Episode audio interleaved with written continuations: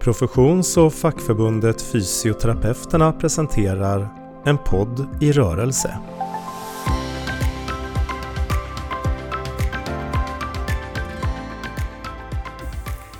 Välkomna till En podd i rörelse. Idag har jag sällskap av eh, Jonas Axelsson som är förhandlingschef i Ludvika kommun och Pernilla Järnvall Hint som är verksamhetschef i Region Östergötland. Välkomna! Tackar! Tack så mycket! Idag ska vi prata om några frågor som berör och engagerar. Eh, vi ska prata om lön och vi ska prata om karriär och hur man kan arbeta med det här på olika sätt som, som chef och som arbetsgivare. Och båda de här frågorna är ju självklart viktiga för oss i fysioterapeuterna. Och det är frågor som vi arbetar med inom alla förbundets delar, lokalt, regionalt och nationellt. Och när man börjar titta på lön så det är kanske en lite mer komplex process än man, men man tror eh, när man börjar liksom eh, det är så lätt att prata om lön, att vi behöver en högre lön, men man behöver också problematisera kring lön och fundera lite grann kring mer vad är det egentligen i den här processen som, som är viktigt och vad vi kan påverka. Och vi tror att det är viktigt att vi pratar om det och att försöka förstå de här processerna som påverkar lön och ersättning för arbete. Och det ska vi prata lite grann om idag. Eh, men jag tänker att ni ska få börja med att presentera er eh, själva. Pernilla, vill du kanske börja med att säga någonting om dig själv och ditt uppdrag?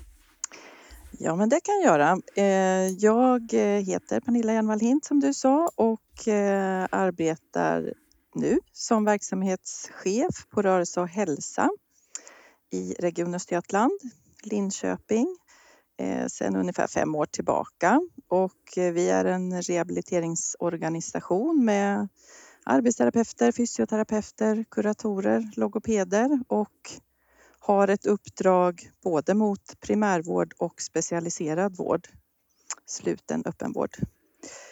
Ehm, jag eh, är också engagerad och involverad i eh, RPO, alltså regionalt programområde, rehabilitering, habilitering och försäkringsmedicin i sydöstra sjukvårdsregionen.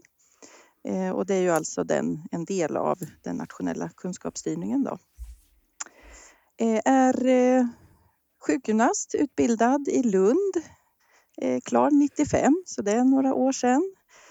Och har jobbat ehm, ja, sedan dess i yrket på olika sätt, både då som sjukgymnast, fysioterapeut och som eh, chef och ledare.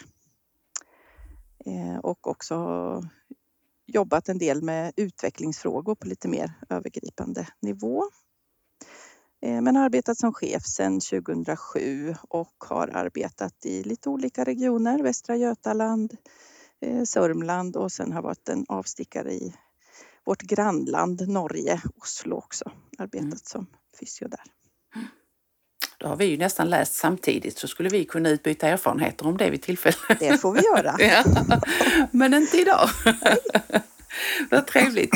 Jonas, du har ju varit med i vår tidning Fysioterapi så det är säkert en del som känner igen ditt namn. Men berätta lite om dig själv och ditt uppdrag. Ja, jag heter Jonas Axelsson, är eh, förhandlingschef då i Ludvika kommun. Eh, har jag varit eh, under tre år tror jag nu ungefär.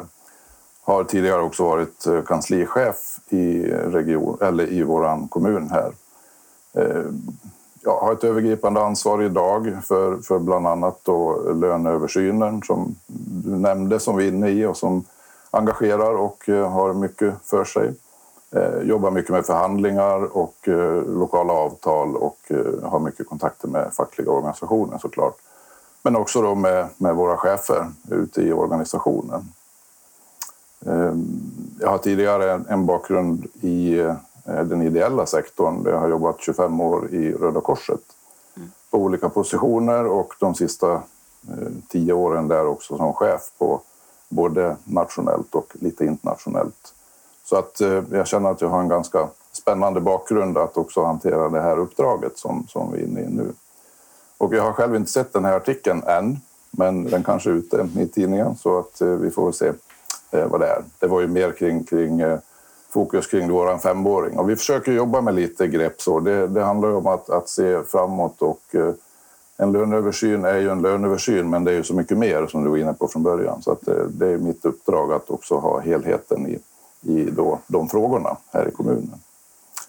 Vi är en relativt liten kommun, 27 000 invånare. Vi är nästan 3 000 medarbetare, 140 chefer, eh, fyra förvaltningar. Så att eh, det är inte så mycket, men jag är ganska ensam så att det finns att göra ändå i den här kommunen. Ja, lite kort. Mm. Men det är ju skönt att du har att göra tänker jag. Det brukar man ju Ja, gilla. Hur känns det att inte vara på Röda Korset nu i de här tiderna? För Röda Korset är ju en av de organisationerna vi läser mycket om just nu. Så är det. Och jag satt faktiskt ordförande igår på ett årsmöte i Ludvika för Röda Korskretsen där lokalt. Där det kom upp naturligtvis och jag följer ju mina kollegor och gamla eh, vad som händer och de, de, eh, de insatser som nu görs. Det som ju är, tycker jag är ganska bra med Röda Korset det är att vi finns redan på plats och vi finns redan inne i landet och det finns redan upparbetade kanaler som, som jobbar och eh, förser och det finns ju tyvärr nu en hel del att göra. Och vi kommer ju att få se också effekter här i vårt land av den här konflikten. Så att det är nog bra att vi är på tårna allihopa oavsett vad vi tillhör och vad vi gör. Så att jag tror vi behöver engagera oss många i det här. Mm. Ja, det, det är sant. Ehm, ja, vi går vidare. Vi pratar pengar. Vi ska då prata eh, om lön som vi har sagt och det är ju en viktig fråga. Eh, och ni har ju båda två, som vi hör, ledande funktioner i era respektive verksamheter. Och vi har ställt frågan till er om att vara med för att ni har arbetat på lite olika sätt med, med lön och har lite olika processer på gång där ni befinner er. Eh, och vi börjar med dig Jonas, så du, har, du nämnde femåringen. Eh, där har, det är någonting som ni har arbetat med i Ludvika kommun, en femårsmodell. Men kan du berätta lite mer om vad den innebär, hur länge ni har använt den och vilka resultat ni ser? Mm. Ja, nej, men det är en spännande, har vi upptäckt också, lite ovanligt kanske att man jobbar med det här eftersom jag har, det har blivit lite uppmärksammat framförallt då i de kontakter jag har med centrala ombudsmän eh, i fackliga här.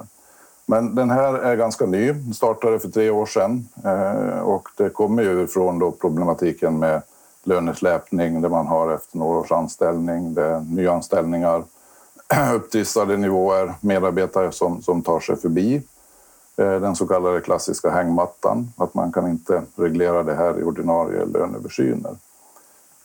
Så det här sågs över partsgemensamt med våra fackliga organisationer då, eh, i samband med att vi reviderade vår lönepolicy. Och det innebär helt kort att medarbetare som är kvar i sin tjänst efter fem år eh, tas ut för ny bedömning av lön utifrån då det nuläget som nu råder och hur man skulle lönesätta den här personen idag. Och det här görs av eh, chef alltså närmaste chef, och sker utanför då den ordinarie löneöversynen. Så att den löneöversynen som nu pågår, den avslutas och sen har vi då den här femåringen som vi plockar ur och sen lönesätter det. Så i år gäller ju då 2017 eh, i en eh, anställning som man har haft sedan dess.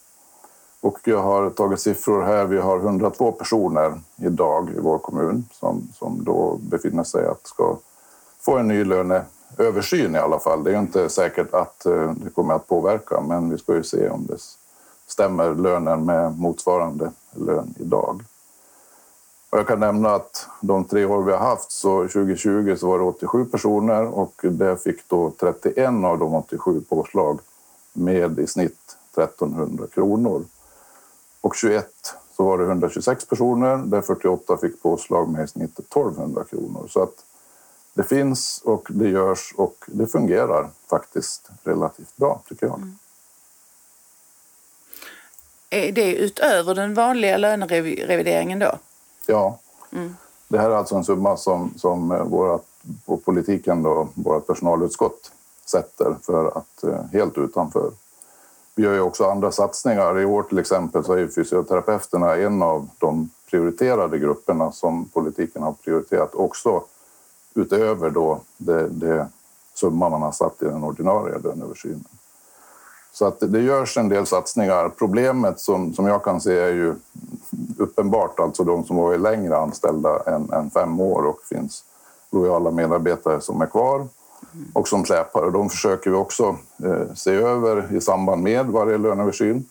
Det fanns också en satsning för två år sedan på mer än tio års anställning i kommunen där man skulle då rätta till det här också.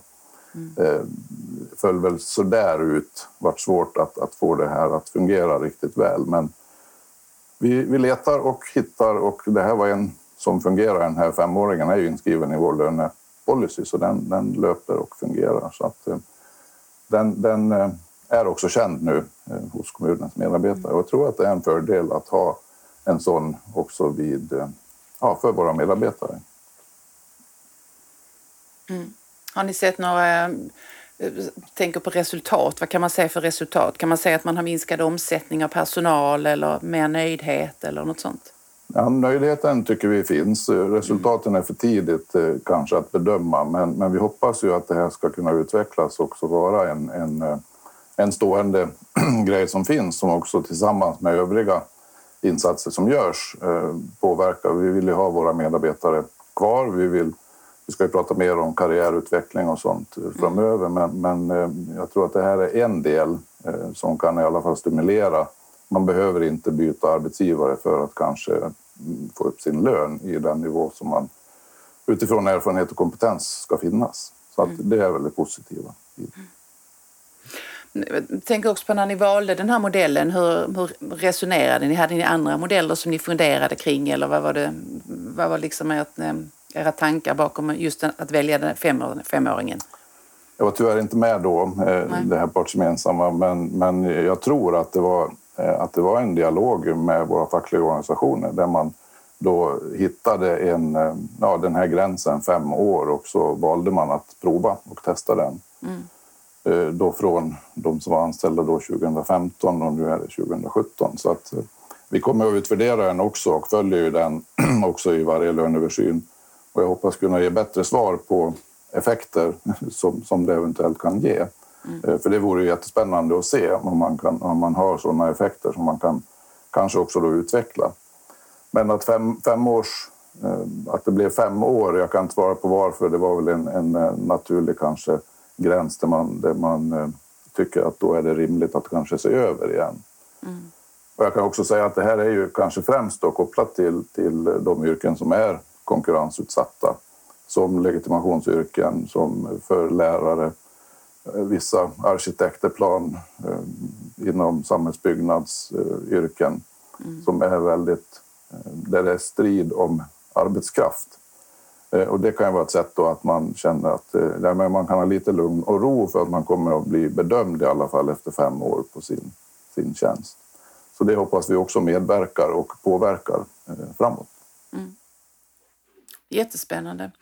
Um, Pernilla, du arbetar i Region Östergötland där man har tagit fram, vad kallar ni det, kompetensstegar eller karriärstegar? Eh, vi kallar det karriärstegar. Mm. Eh, och eh, eh, ja, bara det har ju varit svårt att hitta, hitta ett namn som alla är bekväma med. Och, eh, vi har pratat jättemycket om ordet karriär just som ju kan vara laddat eh, med olika ehm, ja, känslor och uppfattningar och så. Men eh, vi tänker väl att den här engelska översättningen av career är lite mera, ja men där man trycker på att det är en livslång yrkesutveckling och det är det vi vill åstadkomma egentligen. Mm. Eh, Tittar man på den svenska, i Svenska Akademins ordlista så handlar det mer om att klättra eller liksom ta sig mm, fram så. Men det är inte det vi är ute efter utan mer beskriva den här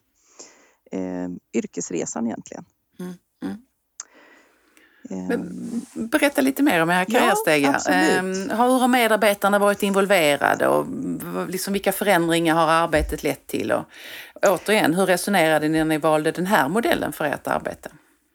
Precis. Nej, men, eh, vi hade eh, själva, jag tillsammans med några kollegor eh, som har liknande organisationer, rehaborganisationer, vi, hade, Eh, vi var på gång att jobba med den här frågan lite mer själva, att hitta någon modell. Eh, vi tyckte inte att den modellen som eh, fanns riktigt liksom, tillgodosåg våra behov i verksamheten. Ehm, och då fick vi nys om att man ehm, övergripande i, eller centralt då, i Region Östergötland skulle påbörja ett arbete med kompetens modell eller karriärmodell. Eh, och då var vi lite sådär på där och, och eh, anmälde oss frivilliga att vara med som piloter. Eh, och det var ju också för att vi kände att det skulle vara angeläget att våra yrkesgrupper också fanns med från början. Att det inte blev en modell som vi skulle liksom anpassa in oss i sen. Eh, så man valde ut eh, fysioterapeuter, arbetsterapeuter och sjuksköterskor som eh, pilotyrkesgrupper. Och sen har man jobbat regionövergripande så där har ju de centralt fackliga suttit med i de arbetsgrupperna tillsammans med chefer från olika verksamheter i regionen. Och man gjorde en ganska stor eh, också omvärldsbevakning runt, runt om i landet. Jag tror man höll sig i, i Sverige men tittade också vad andra regioner hade gjort och samlade in olika typer av eh, modeller innan man landade ner i den här egna då, som är en liten, ett litet hopkok av eh, eh, det som man har inhämtat och det som vi också hade eh, innan i Region Östergötland. Eh, men våran karriärstege, vi valde lite olika vägar eh, fysioterapeuter, arbetsterapeuter och sjuksköterskor och det är ju också att våra eh, våra yrkeskarriärer kanske ser lite olika ut och har också olika typer av tjänster och så kopplat till eh, yrkena. Eh, så, så våra karriärstegar de eh, landade på en eh, ja, fyra nivåer kan man säga och där vi valde att lägga eh, de tre sista stegen parallellt. Så den sista nivån det handlar om tre parallella steg. Eh, så vi har ehm, de här första stegen, de, de beskriver ju en grundnivå, en nivå där man är mer eh, kompetent och sen en nivå där man är mer erfaren där också finns en tidsaspekt med i det här steget. Eh, och sen har vi tre parallella nivåer på slutet som då, där man liksom kan välja väg. Eh, antingen mot det mer akademiska eh, och där vi har liksom en väg för kliniska forskare. Och sen har vi också en väg för klinisk specialist och då är ju det utifrån specialistförordningen då. Mm. Och också kopplat till tjänster där. Mm. Men sen har vi också en Eh, parallell väg där som handlar om att man är kvar i yrket som klinisk expert. Eh, också där man är eh, expert inom ett område eller en metod eller vad det nu kan vara. Mm. Så man har tryckt mycket på det yrkesspecifika i de här karriärstegarna men sen finns det ju också mer av kärnkompetenser som är liksom oavsett yrkesprofession som också är viktiga för att få till en utveckling eh, i yrket. Eh, och det kan ju handla om till exempel eh, personcentrerad vård eller förbättringskunskap, alltså mer sådana generella kompetenser mm. som också är viktiga. Då. Så, så, ja, så ser det ut. Sen har ju vi jobbat eh, när den här eh, generella karriärstegen var färdig för mm. fysioterapeuter till exempel. Då, eh, så har vi också gjort en lokal variant där vi har försökt eh, alltså konkretisera eh, vilken typ av kompetens finns på de här olika stegen och vilken typ av ansvars, alltså roller, funktioner, tjänster är också kopplat, kopplat till de här olika stegen. Mm.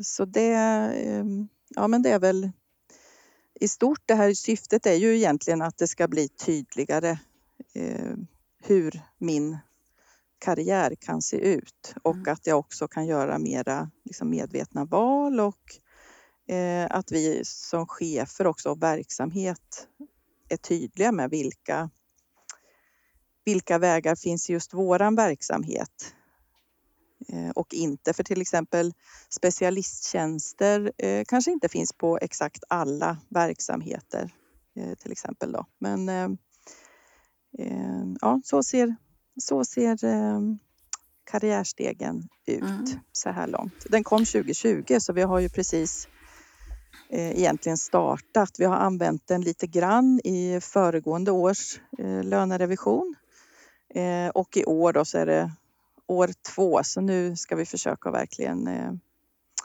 eh, få in den som ett naturligt eller en naturlig del i löneprocessen. Mm. Och hur tänker du dig att det hänger ihop, tänker jag? För, för, ibland hör man ju att karriärstegen, ja det har vi vid medarbetarsamtal och chefen kan ha glädje av det vid kompetensförsörjningsplanering och så, att man, man ser det som ett verktyg där. Men hur tänker du att det hänger ihop med lön? För det, så resonerar ju inte alla, tänker jag. Nej, men eh, alltså det är ju inte en lönetrappa. Det är ju jätteviktigt. Det är mm. inte liksom en direkt koppling. Ehm, och det är inte liksom eh, nivåsatt på det sättet på varje steg utan det finns ju ett spann på varje steg. Eh, och den här karriärstegen får man ju också, det har ju visat sig också att eh, den skulle behöva vara lite tredimensionell för det finns ju också ett djup på varje steg. Mm. Den är ju inte platt utan den är ju vissa medarbetare eh, har ju inte den eh, målsättningen att eh, kliva in i de här eh, översta stegen och det är ju inte heller liksom verksamhetens behov utan Nej. jag tänker också att man kan ha en bra utveckling, en bra karriär på djupet också mm. i de här stegen och mm. bli liksom eh, riktigt vass och kompetent eh, i ett steg på mm. djupet. Mm. Eh, men så kopplingen tänker jag, det är ju egentligen att kopplingen mellan kompetens och lön, alltså att man utvecklar sin kompetens och sin eh, eh, förmåga. Det är ju också kopplat till en löneutveckling. Mm. Så på det sättet eh, tänker jag och då kan man ju också tänka utveckla min kompetens så kan jag göra mer avancerade arbetsuppgifter och då hänger det ju ofta ihop med att man också utvecklar sin lön. Mm. Men så ingen liksom fast eller linjär koppling, det tänker jag är viktigt ändå att säga. Mm. Sen är det ju intressant som du säger att man kan, alltså den är tredimensionell för det tror jag ja. är viktigt. Eh, för det är ju inte så att man måste, det, det, är väldigt bra att ni har specialisttjänster kopplade till de som blir specialister, det måste jag ju säga. Men det är också väldigt bra att man, att man kan få fördjupa sin kompetens i det steget där man befinner sig. Absolut. Att det, liksom inte, det är inte tvunget att klättra utan man kan ändå få en, få en fördjupad kompetens och, och därmed kunna påverka sin löneutveckling, tänker jag. Precis. Mm. Mm. Och jag tänker att det här är ju den delen som, som hänger ihop med den här eh, mer liksom individuella delen på lönen. Sen finns det ju andra delar i lönen också som inte det här hänger ihop med, tänker jag. Alltså, mm. eh, marknadskrafterna som påverkar lönen och eh, den lön som är kopplad till den, det uppdrag man har eller befattning eller, eller så. Så det är ju det är ju en del av lönen som hänger mm. ihop med karriärstegen också. Mm, mm. Ja, politiken tänker jag, som du var inne på Jonas, mm. när man har valt att politiskt liksom vilja, vilja satsa. Så det är många delar i det. Ehm, men när ni nu lyssnar på varandra, finns det någonting i det ni säger som, men det här skulle jag kunna, det här vill jag fundera mer på, det här kan jag ta med mig till min verksamhet. Och, vad säger du Jonas? Jag, ty jag tycker det här är jätteviktigt och, och intressant Pernilla, just med tanke på det du säger, yrkes Alltså ett yrkesliv, yrkesutveckling, det handlar inte om karriärutveckling på det sättet att klättra vidare. Och att det är utvecklas i, i så att säga inom sin, sig själv och det ska finnas då utveckling där jag finns och befinner mig och vill vara. Mm. Det tycker jag är jätteviktigt och, och eh, att det finns ett samband eh, i det här där, där man du behöver inte vara top notch. Du behöver, alla behöver inte finnas på steg fyra eller vad du har i den här stegen. Alla behöver inte utvecklas på det sättet utan det finns plats att utvecklas på andra sätt. Det tar jag med mig och tycker var jättespännande. Mm. Mm. Vad tänker du Pernilla?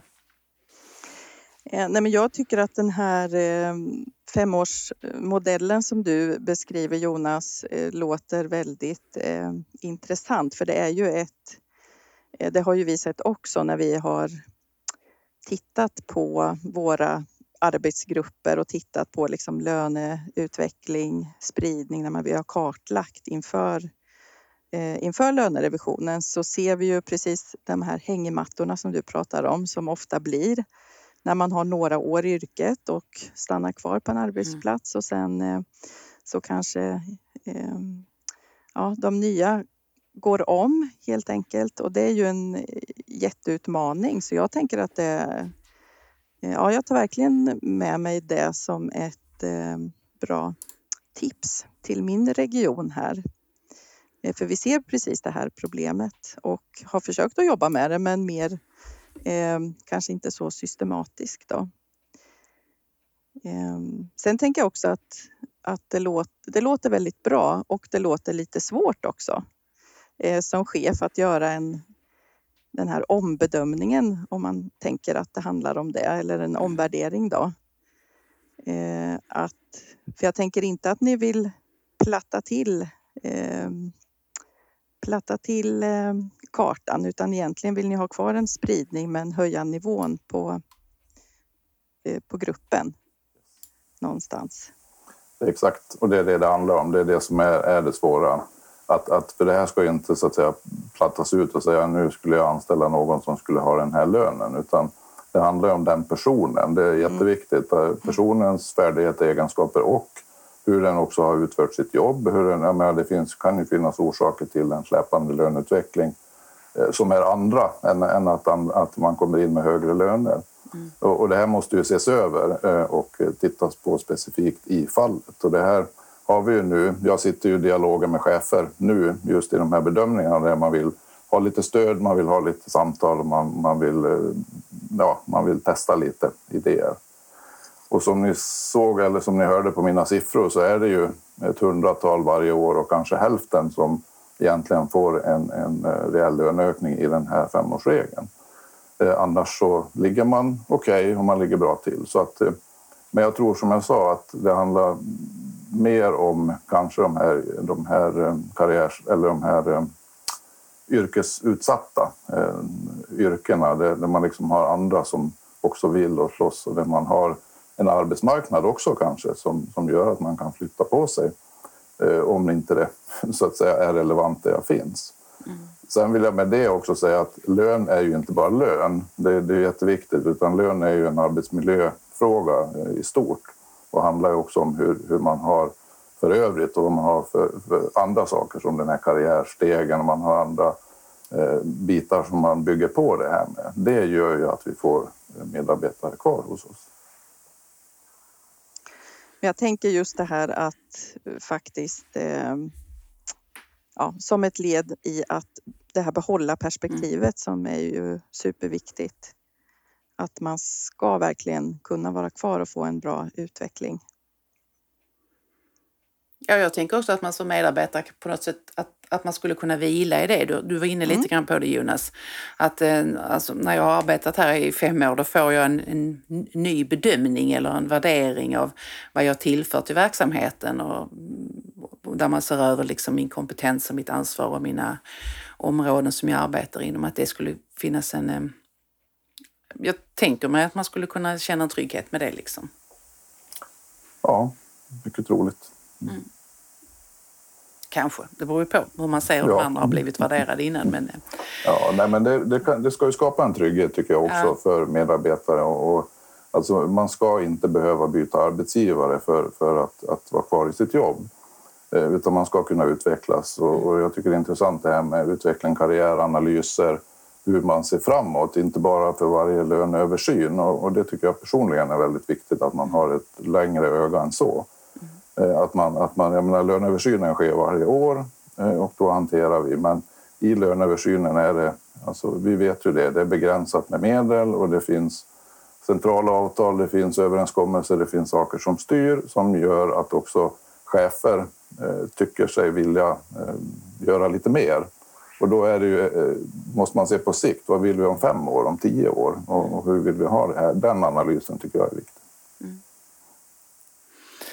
Vi kommer in lite grann på nästa fråga där. Det är ju det här att utveckla att utveckla verksamheter och tänka framtid när det gäller både löneprocesser och karriär. Och det är ju både, som du säger Jonas, ett kortsiktigt men också ett långsiktigt arbete. Eh, men hur, hur, tänker ni kring framtiden när det gäller de här frågorna? Vad skulle ni, vad skulle ni önska för någonting? Pernilla?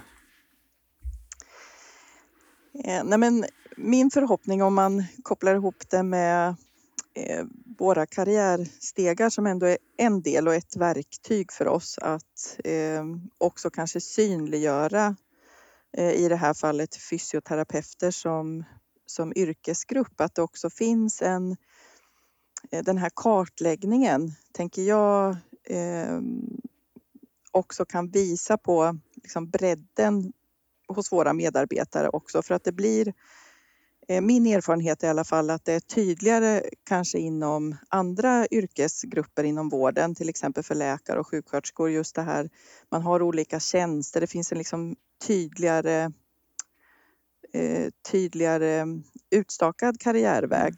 Eh, och det tror jag kan hjälpa oss, tror jag, att också Ehm, alltså få den här kartan lite mer tydlig för andra. För jag tror för oss själva inom eh, rehaborganisationerna så tror jag att den är ganska tydlig. Men, eh, men eh, hos andra också, att, eh, också som en hjälp tänker jag, att visa på eh, att vi har medarbetare i alla de här rutorna i våran karriärstege. Och där har jag väl också en förhoppning att eh, det också ska tas hänsyn till när man eh, liksom tittar på fördelning av eh, pengar och potter och så, för det har mm. man ju inte heller tittat eh, på så specifikt, tänker jag. Utan det blir mer en fysioterapeut, en fysioterapeut. Mm. Mm. Så det tänker jag är en förhoppning framåt, att vi ska mm. kunna liksom bli lite mer distinkta på det mm. sättet. Ja, det låter ju väldigt bra tycker jag såklart.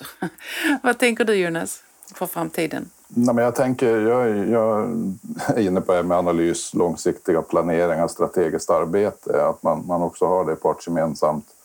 Eh, och titta, man kanske tittar på specifika grupper. Jag vet att Hög 21, lärarförbunden, har ju det inskrivet i sin, sitt avtal att det ska ske det här arbetet nu där man ska börja fokusera och se på en en långsiktig karriärutveckling eh, inom yrken. Och det tror jag man kan överföra, eh, som jag då, som jobbar med alla grupperna. Att man hittar eh, några grupper som man fokuserar för att sen kunna överföra och kunna dra nytta av och få idéer från till att utveckla hela arbetet.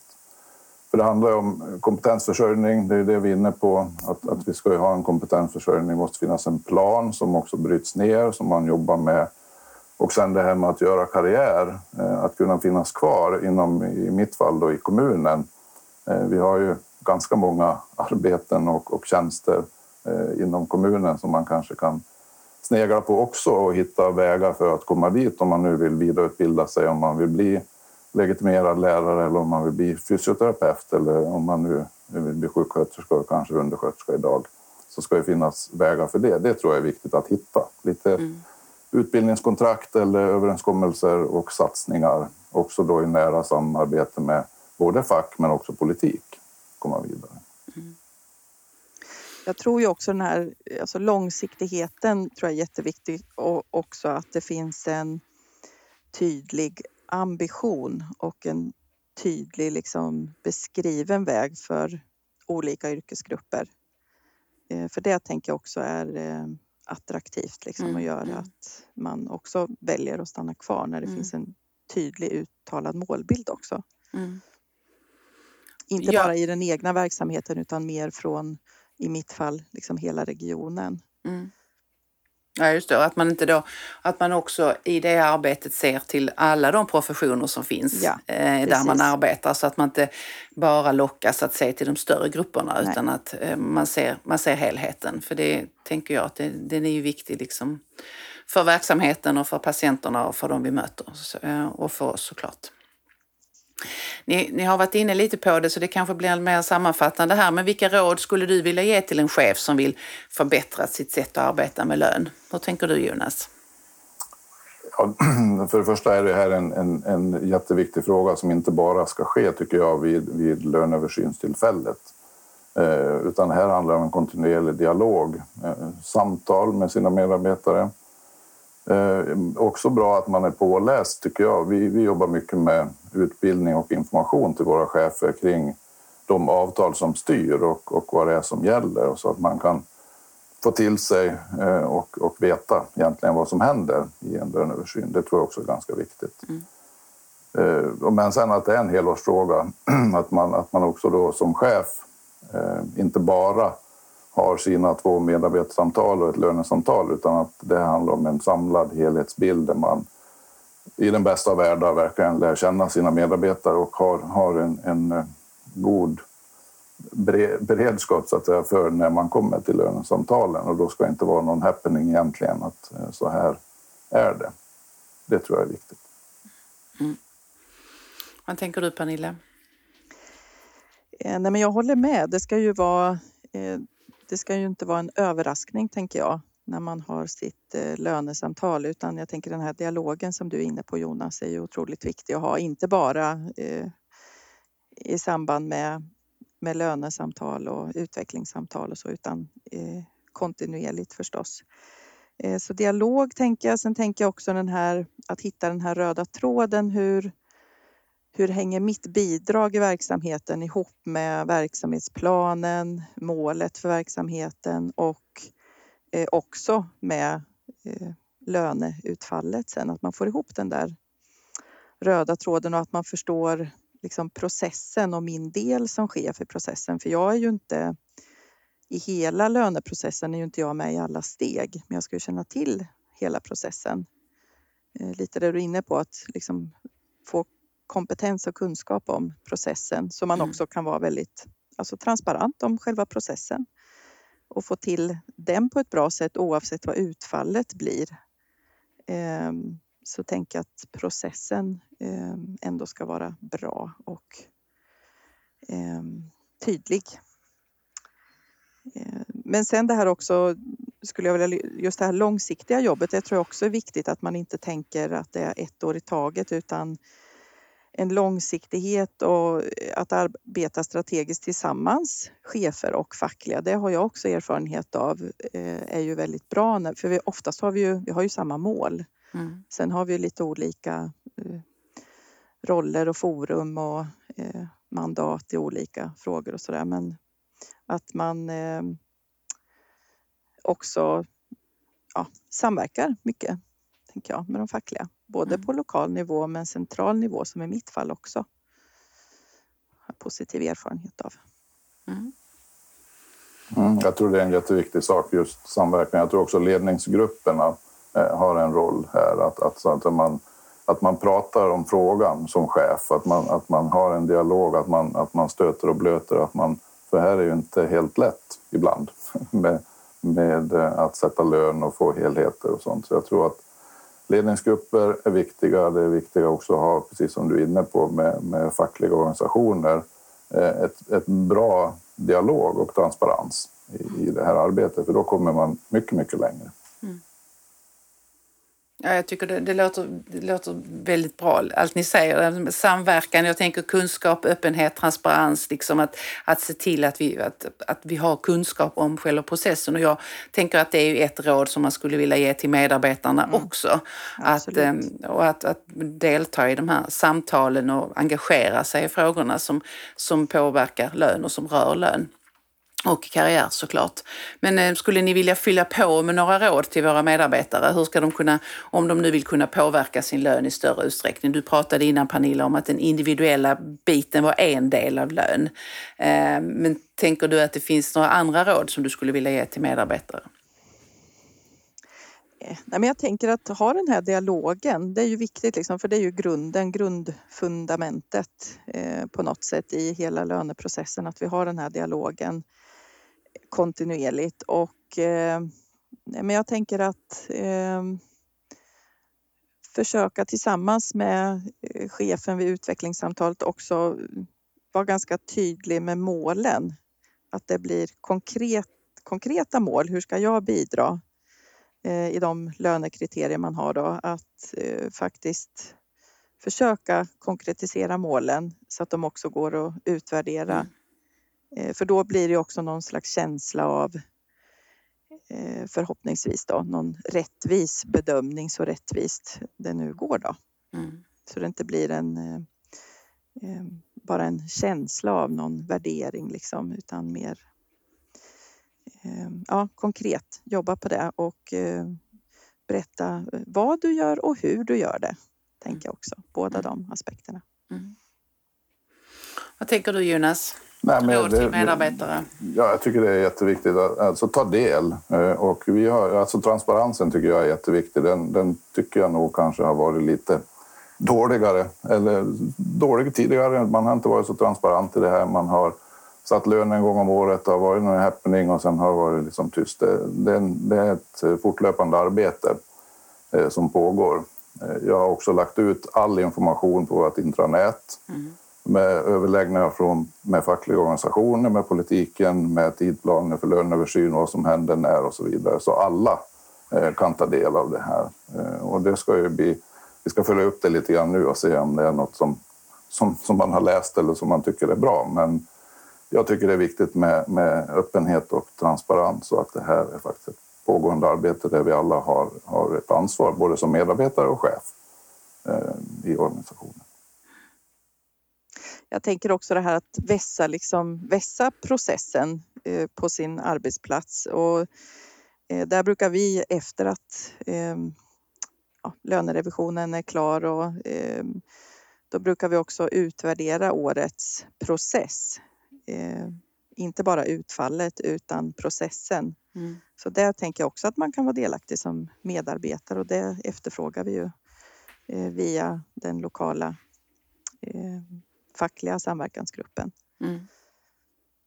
Ja, för det är ju genom utvärderingen som vi sen kan förändra och Absolut. göra det bättre nästa gång. Mm. Ja. Så många bra råd eh, och jag hoppas verkligen att eh, jag tänker att man kan ha nytta av både som chef och som medarbetare. Eh, det här med öppenhet och transparens, långsiktighet, att det är ett kontinuerligt samtal. Många bra punkter som jag tänker att vi är många som kan ha nytta av. Vi har kommit till sista frågan. Och vi brukar ju alltid avsluta mm, med en fråga om lite grann kring beslut och sådär. Eh, vi brukar ju fråga, om du var statsminister för en dag, vilka beslut skulle du fatta då för att bidra till en löneprocess som är rättvis och som ger rätt lön utifrån kompetens och ansvar? Jag tänker att jag börjar med dig Pernilla. Ja, det var ju det var det lätt är en liten fråga. fråga Nej, precis. Nej, men jag tänker så här att eh, jag skulle se till att eh, utbildning lönar sig. Det är liksom... Eh, eh och då tänker jag att eh, vill man ha en eh, hälsa och vård i absoluta toppklass i Sverige så måste vi också se till att Eh, det lönar sig Eh, att, ja, men att studera vidare och att också liksom kompetensutveckla sig under karriären. Eh, så det tänker jag. Och eh, inga mera rehabprofessioner på svarta listan i den här livslönerapporteringen som, som man läser om. Det skulle jag se till att det där skulle jag eh, göra satsningar så att de kom bort därifrån. Man vill väl inte ha några eh, professioner på svarta listan men ehm, alltså en satsning på hälso och sjukvården och dess medarbetare helt enkelt. Och jag tänker också det här med god och nära vård som som ju faktiskt är ett regeringsinitiativ att ställa om vården så tänker jag också att ska det lyckas så skulle jag tänka som statsminister att då ska jag satsa på rehabilitering. Mm.